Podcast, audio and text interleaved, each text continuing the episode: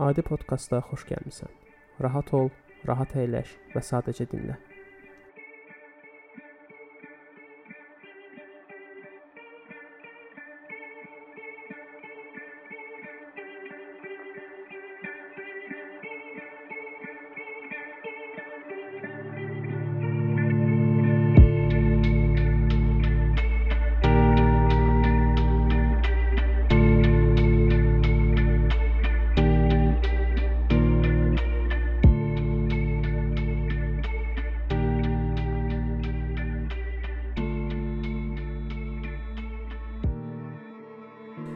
Ötən seriyalarla bağlı aldığım rəylərdən ən çoxu giriş və çıxış musiqisi ilə bağlı olub. İnsanlar rəy deməyim əslində daha çox bu şikayətdir. Çünki insanlar şikayət edirdilər ki, niyə giriş və çıxış musiqisi bu qədər uzundur, daha qısa olsa olmazdımı? E, nəsə əhəmiyyəti varmı? E, niyə digərləri kimi mən də giriş və çıxış musiqisini qısa qoymuram? Çünki praktikada belədir. E, daha çox şikayət və daha çox tövsiyələr var əslində. Mən bunları başa düşürəm və mən e, podkastı yayımlayan gündən bu yana bunların e, olacağını bilirdim və indi həmin sualları belə deyə cavab cavablamaq istəyirəm. Çünki onlar müəyyən mənada haqlıdırlar və mən e, doğrudan da sevinirəm ki, gördüyüm işin qarşılığında fikir və tövsiyə bildirirlər e, mənə dəstək olmaq üçün ətrafımdakı insanlar və bu məni doğrudan da çox sevindirir. Lakin e, sizin görmədiyiniz, lakin mənim belə deyək də ötürmək istədiyim bir məqam da var ki, e, bu məqamı mən gərək əvvəldə izah eləyərdim, lakin səhv məndə olub ki, e, bu seriyada bu məqama toxunuram. E, bu məqam isə ondan ibarətdir ki, giriş və çıxış musiqisi niyə uzundur? e, bu sualın cavabı əslində mənim üçün olduqca önəmli bir cavabdır. E, və bu seriyada mən bu mövzuya aydınlıq gətirəcəm. Ondan sonra isə əsas mövzumuza keçəcəyik. Elə əsas mövzumuz da məhz e, giriş və çıxış musiqisi ilə müəyyən mənada əlaqəlidir, uzaqdan uzağa da olsa. Ümumiyyətlə giriş və çıxış musiqisini mən illər əvvəl oynadığım bir oyunun musiqisidir və mənim üçün olduqca həmin dövrlər önəmli idi bu musiqi, lakin sonralar necəsə oldu mənim yadımdan çıxdı və mən güman eləmirdim ki, həyatımın hansısa nöqtəsində təkrar o musiqi ilə yollarımız kəsişə bilər. Amma necəsə oldu, podkastda başlayan ərəfələrdə mənim yadıma düşdü ki, o vaxt belə bir musiqi var idi və mənim podkastı danışmaq istədiyim e, şeyləri, ötürmək istədiyim hissləri e, ən çox bu musiqi izah eləyir məhz. Yəni mənim üçün müəyyən mənada önəmli bir musiqidir bu. E, düzdür kifayət qədər tanınmayıb, hətta deyərdim ki, heç tanınmayıb. Heç mən adını da çəkmək istəmirəm. E, istəyirsinizsə Shazamlayıb tapa bilərsiniz, əgər tapa bilirsinizsə. E, amma mənim üçün bilməyiniz kifayətdir ki, önəmli bir musiqidir. E, və uzun olmağının səbəbi isə əslində mən düşünmürəm ki, o qədər də uzundur, lakin e, müəyyən mənada haqlı e, belə deyək şikayətlər də var ki, mən insanların e, əvvəldə 40 saniyə, sonda isə 1 dəqiqə təqribi e, vaxtını alıram. Musiqinin uzun olmağının səbəbi bu ilə əlaqədardır ki, e, mən hər seriyanın əvvəlində sizdən xahiş edirəm ki, rahat olasınız, rahat əyləşəsiniz və sadəcə dinləyəsiniz.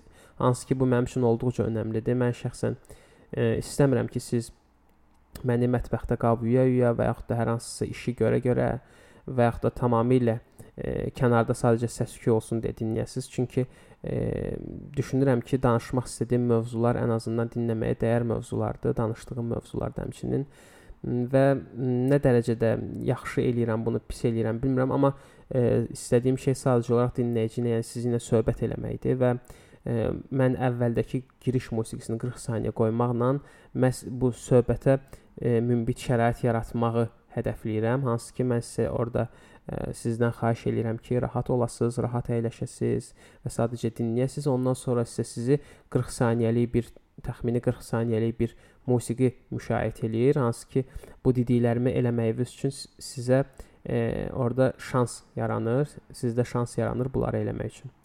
Daha sonra isə müəyyən müddətdə mövzu davam eləyir, hansı ki, maksimum hələ ki 19 dəqiqə olub e, və sonda isə çıxış musiqisi olur. Çıxış musiqisi isə 1 dəqiqə davam eləyir. Ümumilikdə bu musiqinin özü hansı ki eyni musiqidir. Girişdəki də, çıxışdakı da. Sadəcə olaraq onu iki hissəyə ayırmışam.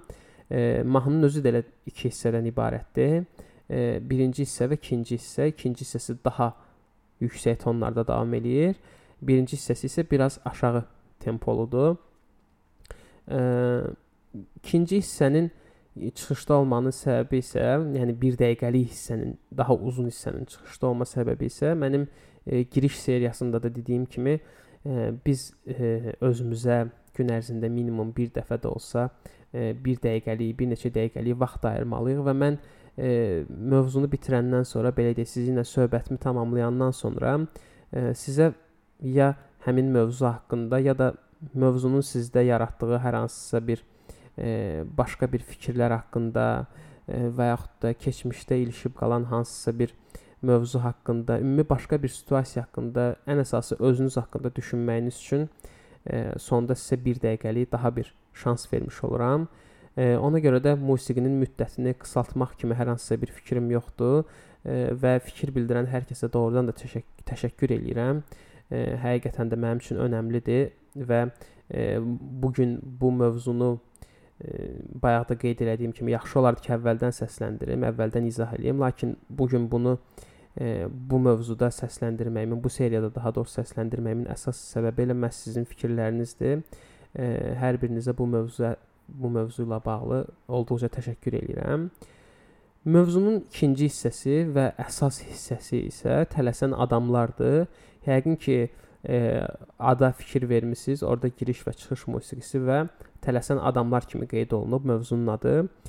Tələsən adamlar e, mövzusu əslində heç planda yox idi ki, e, bu gün onun onunla bağlı daha doğrusu bu gün bu mövzu ilə bağlı mən səs yazma eləyə bilərəm.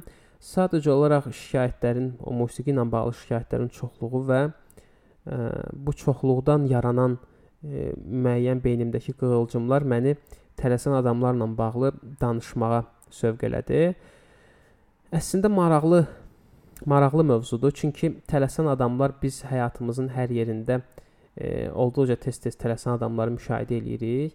E, onlar marketlərdədirlər, onlar tıxaclardadırlar, onlar belə deyim, e, iş yerlərindədirlər. Hər yerdə ətrafımızda hara baxsaq tələsən adam mütləq ki görərik.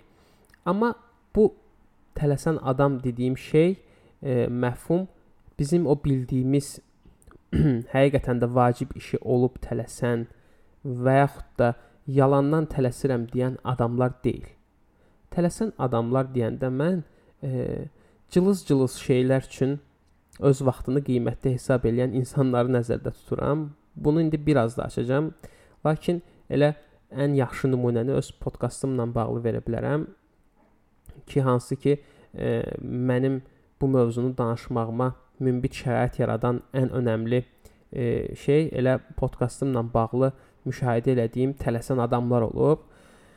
Nədir bu tələsən adamların dərdi? Ümumiyyətlə tələsən adamlar deyəndə nəyi nəzərdə tuturam sualını biraz daha detallı izah eləyim. Mən e, podkastı yayımlayan gündən etibarən bayaq dediyim kimi e, geri dönüşlər və rəylər alıram.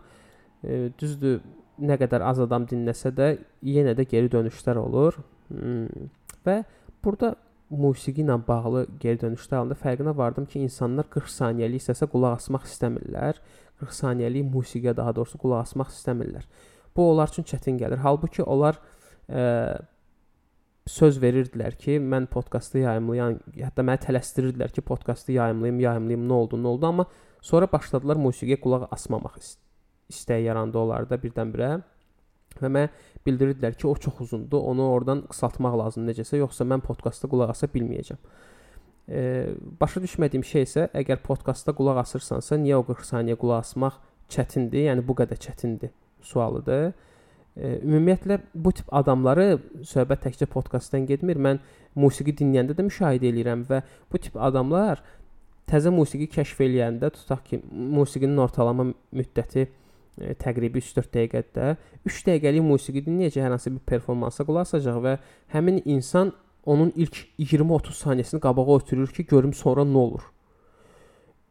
Bilmirəm bunun məntiqli izahı var yoxsa yox, amma indiki anıma qədər mənim üçün bu olduqca məntiqsiz görünür. Çünki sən musiqini dinləyirsənsə və onun ilk 20 saniyəsini, 30 saniyəsini skip eləyirsənsə, həmin musiqidən nə dərəcədə həzz ala bilərsən və həmin musiqi sənə nə, nə dərəcədə öz xoş təsirini qoya bilər də. Okay, onsuz da pisdirsə, ilk notlarından etibarən sən onun pis olduğunu və yaxud da sən qulaq zövqünə uyğun olmadığını hiss eləyirsən. Qabağa 20 saniyə ötürüb nə isə əldə eləmək nə dərəcədə düzgün yanaşmadır. Bunu mən deyə bilməyəcəm, amma ki, dediyim kimi mənə bu məntiqsiz gəlir və həmin adamlardır ki, məhz mənim podkastda qulaq asanda deyirlər ki, e, girişdəki musiqi çox uzundur və bilirəm ki, onlar qabağa verə-verə qulaq asıblar. Yəqin ki, mənim elə söhbətimi də 2x-də falan qulaq asıblar. Iı, əslində burada pis bir şey yoxdur. Yəni hər kəs öz istədiyi kimi qulaq asmaqda sərbəstdir. Lakin ıı, mən çox istəyərdim ki, hər şey öz qaydasında və uyğun bir biçimdə olsun və bu tələsən adamları da gördükcə ətrafımda bu mövzunu danışmaq istədim. Çünki bu tələsən adamlar təkcə musiqidə və podkastda öz performanslarını göstərmirlər. Onlar hər yerdədirlər. Məsəl üçün mən podkastı yayımlanmamışdan qabaq, yəni bu seriyanı daha doğrusu yayımlanmamışdan qabaq 20 dəqiqə e, arxamdakı yolda Yəni mən şəhərin mərkəzində yerləşən ofislərdən birindəyəm. Ötən seriyalarda bunu bildirmişdim. Arxamdakı yolda 20 dəqiqə boyunca təcili yardımın tıxacdan çıxmağını gözləmişəm. Çünki səsi səs yazma eləməyə e, olduqca böyük maneçilik törədirdi. E, və 20 dəqiqə ərzində tıxaca heç kəs yol vermədi. Niyə? Çünki bizdə hamı tələsir. Yəni təcili yardımdan daha vacib işi olan insanlar təcili yardımdan daha çox tələsən insanlar təcili yardıma yol vermək istəmirlər. Budur əsas məsələ və bu o dərəcədə həssas bir mövzudur ki, həmin mövzu ilə bağlı e, sən, mən və yaxud da hər hansısa başqa bir insanda ümumiyyətlə biz həmin mövzu ilə bağlı həmin adamlara heç nə deyə bilmirik. Çünki həmin adamlar tələsirlər deyə bütün belə deyək də mənfi məsuliyyət e, biz onlara fikir bildirəndə bizim üstümüzdə qalır. Bu da nə deməkdir? Mən sizə izah eləyim. Tutaq ki, e, axı bu tələsən adamlar təkcə tıxacda və yaxud da dediyim kimi musiqidə, podkastda deyillər, hər yerdə vardılar. Marketdə tutaq ki, e, tələskənlik adı ilə özünü hər yerə, hər yerdə növbəyə soxan adama e, sən mən heç vaxt sübut eləyə bilmərik ki, e, mən də tələsirəm, mənim işim var, mən getməliyəm. Çünki o daha çox tələsir. O e, növbədə, okay, mən başa düşürəm. Əlində bir çörəklə market bu buraya qədər izah eləyirəm. Əlində bir çörəklə marketdə arabanın arxasında dayanmaq absurddur. Bunun üçün bəzi mağazalar şərait yaradır, bəzi mağazalar yox. Ümumiyyətlə qarşındakı adamın e, anlayış səviyyəsindən də çox şey asılıdır. Lakin, lakin e, eyni yükü daşıyırıqsa əgər səbətimizdə ikimizin də 12 məhsul varsa, sənin məndən öndə olmağa e, sırf sadəcə sən tələsirsən deyə haqqın yoxdur. Bu müəyyən mənada apteklərdə filan bəlkə keçərli ola bilər. Onda da yəqin ki, bizim insanlar, bizim cəmiyyət həqiqətən də mən inanıram ki, anlayışla qarşılayırlar. Amma geri qalan bütün situasiyalarda insanlar doğrudan da cılız-cılız səbəblər üçün tələsirlər. Həqiqətən də bu axı nə vaxta qədər davam eləyəcək? E, mən üzr istəyirəm, boğazım qıcıqlanır, su içməliyəm.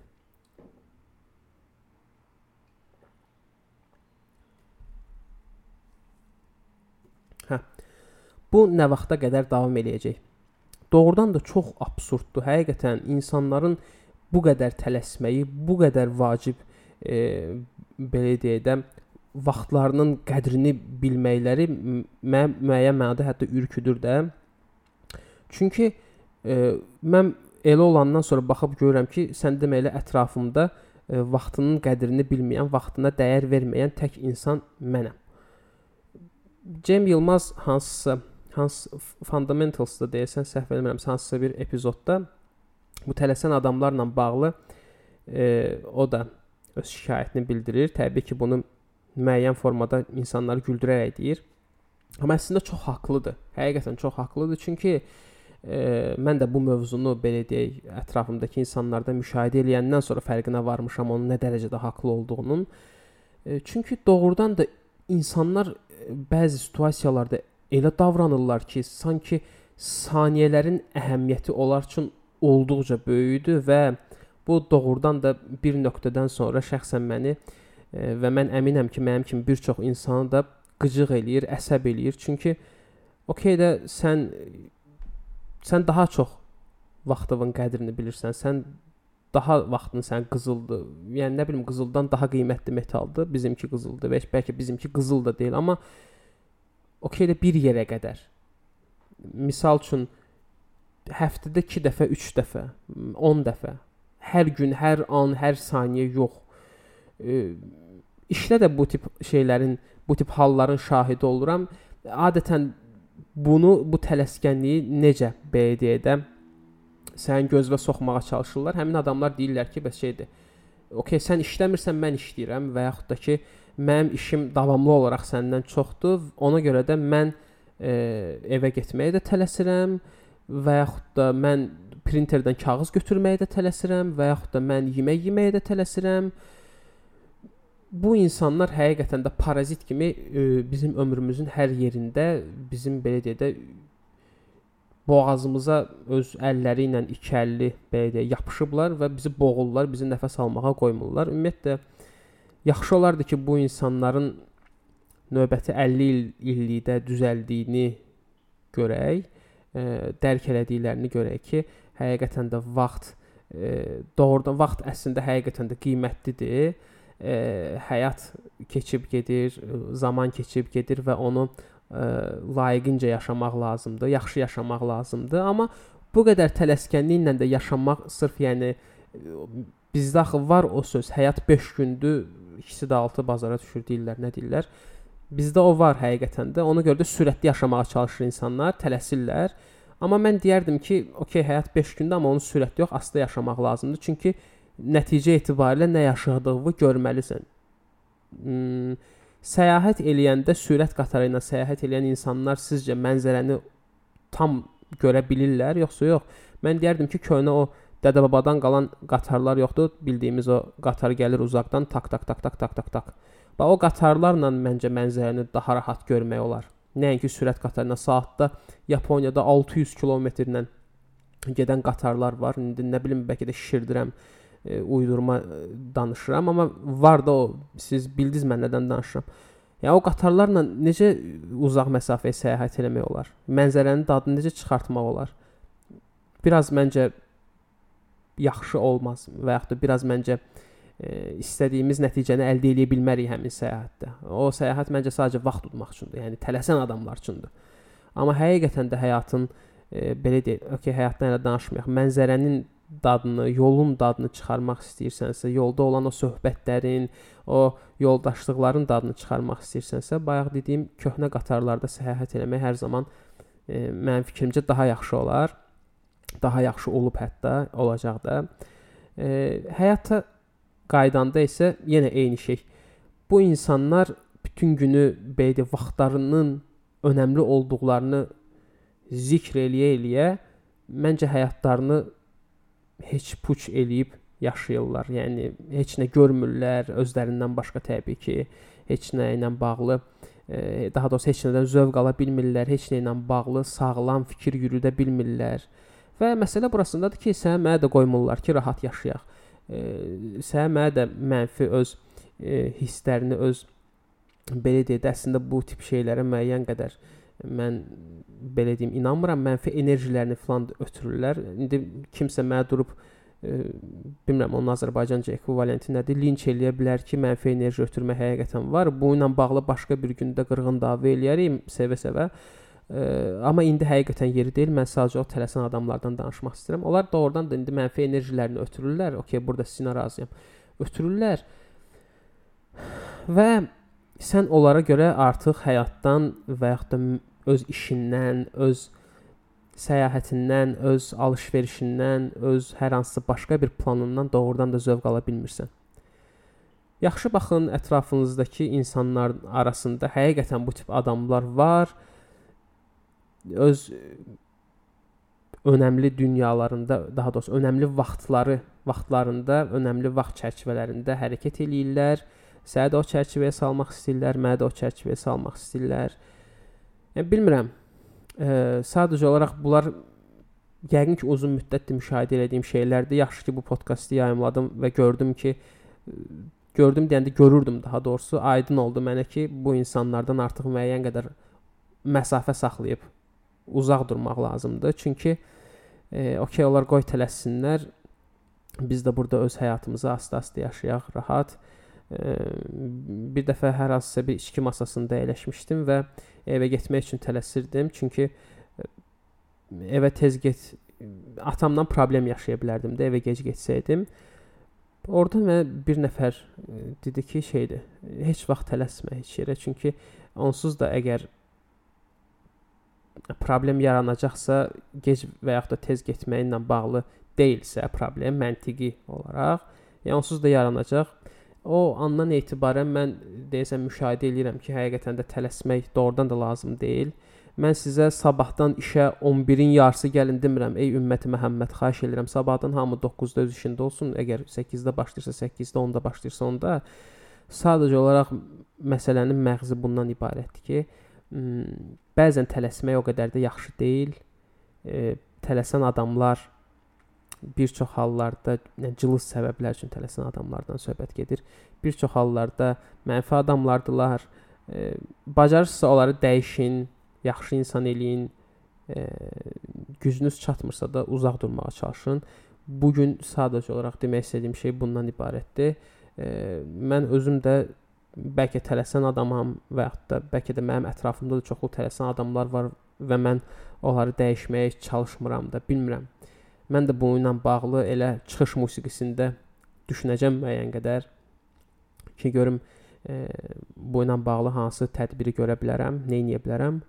Amma ümid edirəm ki, həqiqətən də e, siz bacaracaqsınız. E, nəsə dəyişiklik olacaq həyatınızda və yaxud da ətrafınızdakı ətrafınızdakı insanların həyatında. Yaşayıb görərik də necə deyir, həyat gedir, biz də onun arxasıca görək başımıza nə gəlir. Mən Ataşın təqdimatında siz adi podkastda qulaq asdınız tələsə-tələsə. Sağ olun.